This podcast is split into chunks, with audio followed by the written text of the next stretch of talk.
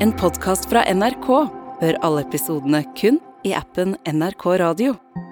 I årevis dro politifolk på skolebesøk for å advare mot narkotiske stoffer. Det vi er opptatt av er at de skal tørre å si fra, og ikke synes at det er greit at en kompis tuller seg inn i det her. Hvert eneste år så plukker vi opp de nye ansiktene som har glidd ut av videregående skole fordi de hengte seg opp i noe helt feil i løpet av russetida og sommeren deretter.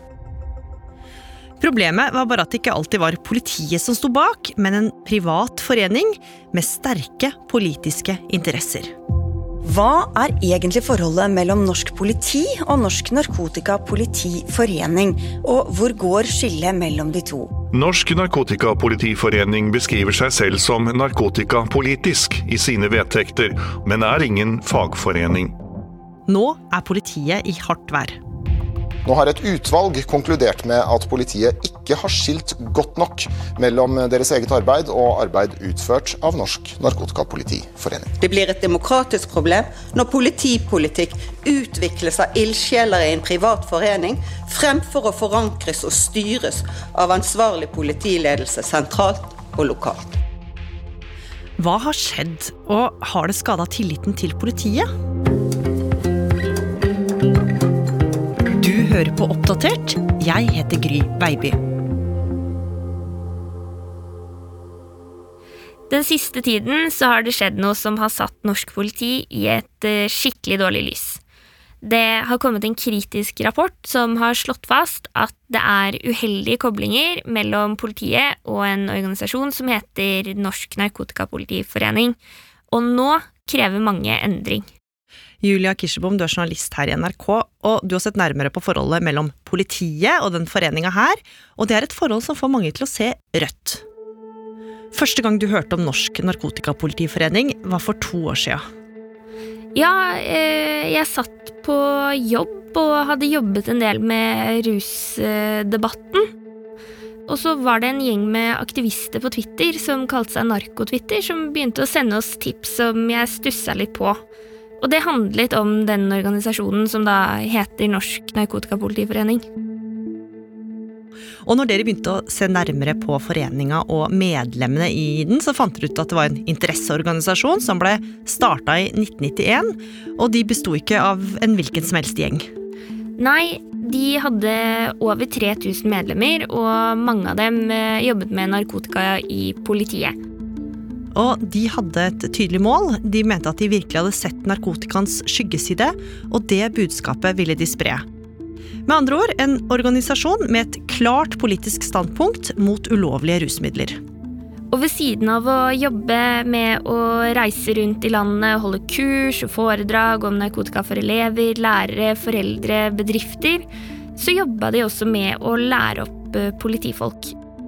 De var synlige i media, i debatter og en tydelig politisk eh, motstemme mot rusreformen.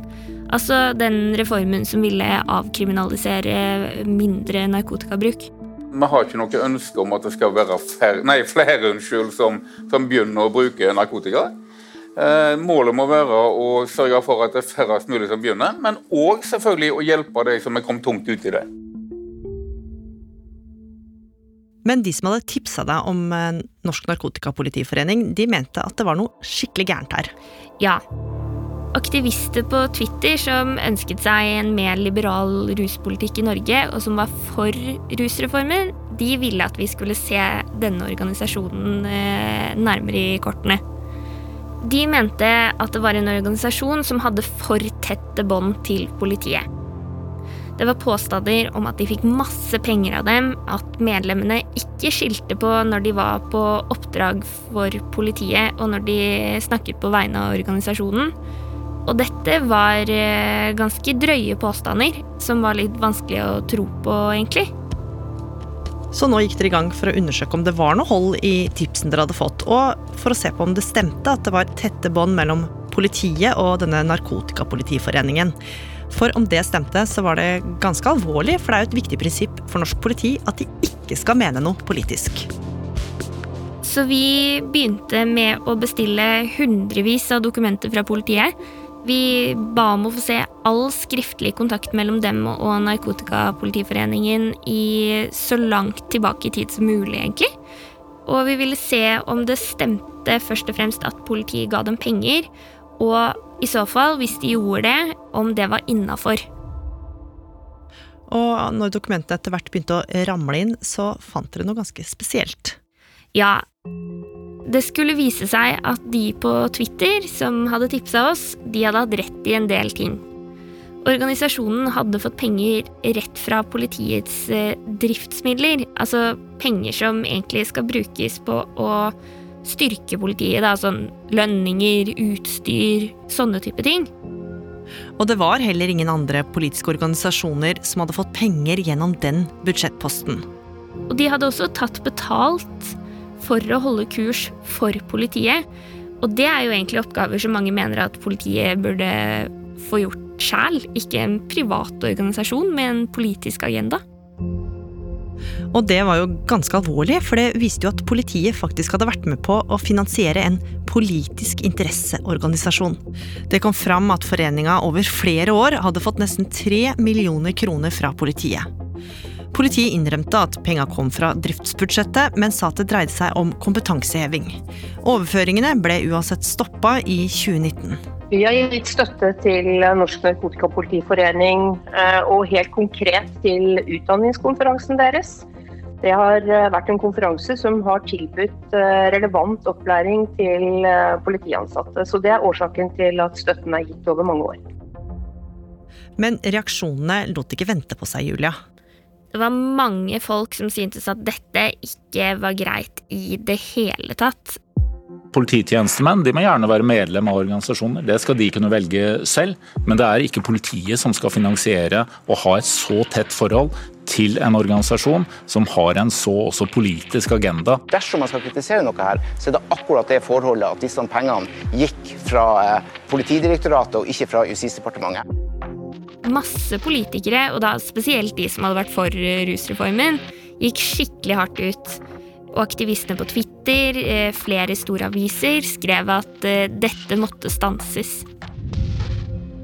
Og det var jo ikke bare dere og folka på Twitter som var på ballen. I avisa Fedrelandsvennen, som dekker Sørlandet, så dukka det nå opp en sak som fikk mange til å stusse. Ja, for i flere år så hadde utesteder i Kristiansand hatt et metallskilt eh, hengende på veggen der det sto 'Bry deg' i store bokstaver. Og på skiltet så sto det også at folk som var synlig påvirket av rusmidler, eller hadde på seg klær som viste legaliseringssymboler for narkotika, ville bli kastet ut. Ja, så en tydelig beskjed om at om jeg hadde prøvd å komme inn på et utested iført en kjole med cannabismønster på, så hadde jeg sannsynligvis blitt stoppa. Og nederst på skiltet så var det ikke politiets logo, men logoen til Norsk Narkotikapolitiforening. Og når avisa undersøkte nærmere, fant de ut at skiltet var hengt opp som en del av en prøveordning utestedene hadde med bl.a. kommunen, som Narkotikapolitiforeningen hadde tatt initiativ til og var arkitekt bak. Avtalen het Ansvarlig alkoholhåndtering Kristiansand, og når man hadde skrevet under og hengt opp skiltet, så fikk disse utestedene en skikkelig gullkantet avtale. For med denne ordningen så skulle de slippe å få prikker når de brøt alkoholloven. Ja, så ved å henge opp skiltet så var de på en måte sikra at politiet så gjennom fingrene på visse brudd på alkoholloven. For eksempel så kunne jo det bety at ved å selge alkohol til noen som er mindreårig, eller til noen som var altfor fulle, så slapp de prikk, da. Vanligvis er det jo sånn at om et utested gjør sånne grove feil, så risikerer de å miste skjenkebevilgningen sin. Så med denne avtalen så kunne kanskje utestedene slappe mer av, og det var jo noe flere av dem syntes var en grei ordning. Ja, men det var også mange som reagerte. Det kan jo ikke være sånn at man slipper unna loven bare fordi man henger opp et lite skilt. Og det var flere som mente at skiltet brøt med ytringsfriheten, og at det ikke er lov til å bortvise noen for at de hadde på seg cannabiskjole, da, for eksempel. Det kom også fram at ikke alle utestedeierne kanskje hadde skjønt at Norsk Narkotikapolitiforening ikke var en del av politiet. Politiet selv sa at dersom det var uklarhet om roller og ansvar, så burde de ha vært tydeligere. De sa også at skiltet var uheldig om det var sånn at det bidro til å innskrenke ytringsfriheten. Og dere Julia, dere ville nå se på om det skjedde flere steder enn Kristiansand. Ja, vi fant ut at det hadde vært lignende avtaler flere steder i landet. Det var ikke nødvendigvis sånn at man unnslapp eh, prikker overalt i Norge, men flere av utestedene hadde blitt med på disse kontraktene fordi de ikke følte at de kunne si nei til politiet. Det eh, var i hvert fall det de sa til oss. Dere fortsatte å jobbe videre med saker om Norsk Narkotikapolitiforening, og fant ut at man i noen tilfeller nærmest måtte være medlem i organisasjonen for å få kursing på narkotikafeltet. Ja, organisasjonen underviste jo ikke bare på skoler og bedrifter, de underviste jo også politiet. Og ble brukt til å liksom heve kompetansen til politiet på narkotikafeltet. Og vi og andre medier fant dokumentasjon på at det hadde vært fagdager hvor det var obligatorisk oppmøte, men så måtte man være medlem av organisasjonen for å komme på de fagdagene. Og da blir det jo nesten som at politiet sier til de ansatte at du må være medlem. Og alle disse sakene skulle få konsekvenser, for ikke lenge etter gikk politidirektøren ut og sa at de ville granske båndene mellom politiet og foreninga. Først så sa politiet at de skulle gjøre det selv, men eh, det fikk de sykt mye kritikk for. Så det tok bare noen timer, og så snudde politidirektøren og sa at det ville bli gransket utenfor huset. Politiet ber Justisdepartementet overta arbeidet med å nedsette et utvalg som skal gjennomgå politiets forhold til omstridte Norsk Narkotikapolitiforening. I en pressemelding skriver Politidirektoratet at det ikke skal være tvil om at gjennomgangen blir uavhengig. Og mens vi gikk og ventet på rapporten, så jobbet jo mediene videre. Og det ble avdekket at det ikke bare var politiet som hadde gitt penger til foreningen, men også Justisdepartementet på tross av at dette hadde blitt advart mot internt for lenge siden. Og nå i januar, ett og et halvt år etter at det virkelig begynte å storme, så kom rapporten som mange hadde venta på. Noen måneder på overtid er mursteinen av en granskningsrapport ferdig. Mandatet var å granske forholdet mellom politi og Norsk Narkotikapolitiforening. Kritikken er entydig og ramsalt. NNPF har drevet kompetanseheving av politiet, narkotikaforebygging og politisk virksomhet i én og samme forening. Og dette har skjedd med politiets aksept, oppmuntring og økonomisk støtte. Og kritikken var jo først og fremst retta mot politiet, og den var ganske hard, Julia. Konklusjonen fra rapporten var nok ganske nedslående for eh, politiet. Utvalget sa at det var for tett samrøre. Det ble vanskelig for folk å vite hva som er politi, og hva som er interesseorganisasjon, når politifolk eh, f.eks. Eh, har på seg politiuniform når de er på oppdrag for interesseorganisasjonen. Og så påpekte de at de tror nok at politiet bare har vært for lite bevisste på å skille på rollene sine, og hva som er jobb og hva som er fritid. Eh, så er det et annet viktig poeng, og det er at eh, utvalget mener at det er problematisk at en privat politisk aktør får så stor innflytelse på politiets eh, kompetanseheving og opplæring. For politiet har jo voldsmonopol, ikke sant? De er de eneste som kan lovlig bruke vold i Norge.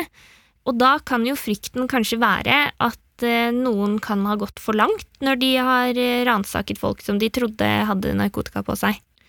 Og så var det jo mer sånn kritikk rettet mot eh, politiet generelt, at de ikke hadde fulgt sine egne økonomiregler når de ga foreningen eh, penger fra driftsbudsjettet, og at de ikke passet på de ansatte, at de skilte mellom rollene sine da, godt nok som foreningsmedlem og politi.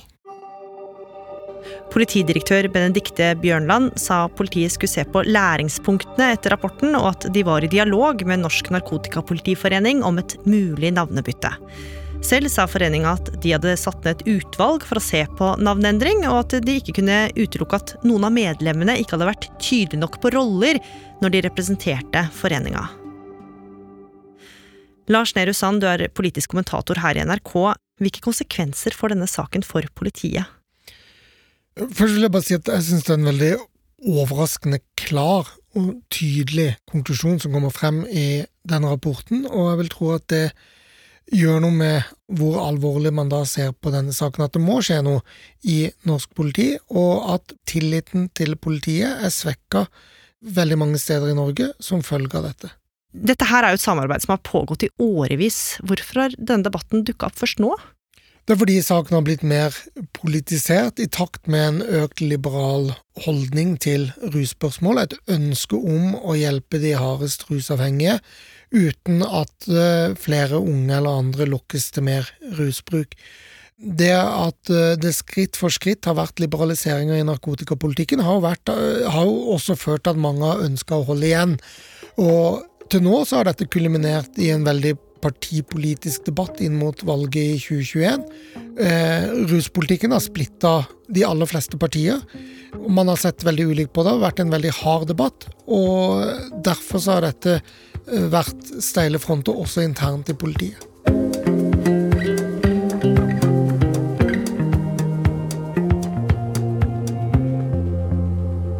Oppdatert er en podkast fra NRK Nyheter, og denne episoden den er laga av oss. Produsent Kaja Kirsebom. Teknikk og lyddesign Andreas Berge. Vaktsjef Ina Swann. Og jeg heter Gry Veiby. Programredaktør er Knut Magnus Berge. Klippene du har hørt, er fra VG og NRK.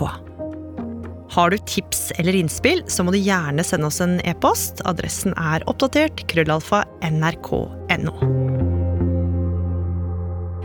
Hele historien. En podkast fra NRK. Er du der? Ja, jeg er. Ja, det er krise. Det er noen som har tatt fra bussen og drept mange. To ganger, med ti års mellomrom, blir Valdresekspressen kapret. I kveld, bussjåføren og en passasjer på Valdresekspressen ble angrepet med kniv. Det er fryktelig brutalt. Veldig målrettet. Han hogger for å drepe. Knivdrapene på Valdresekspressen hører du i appen NRK Radio.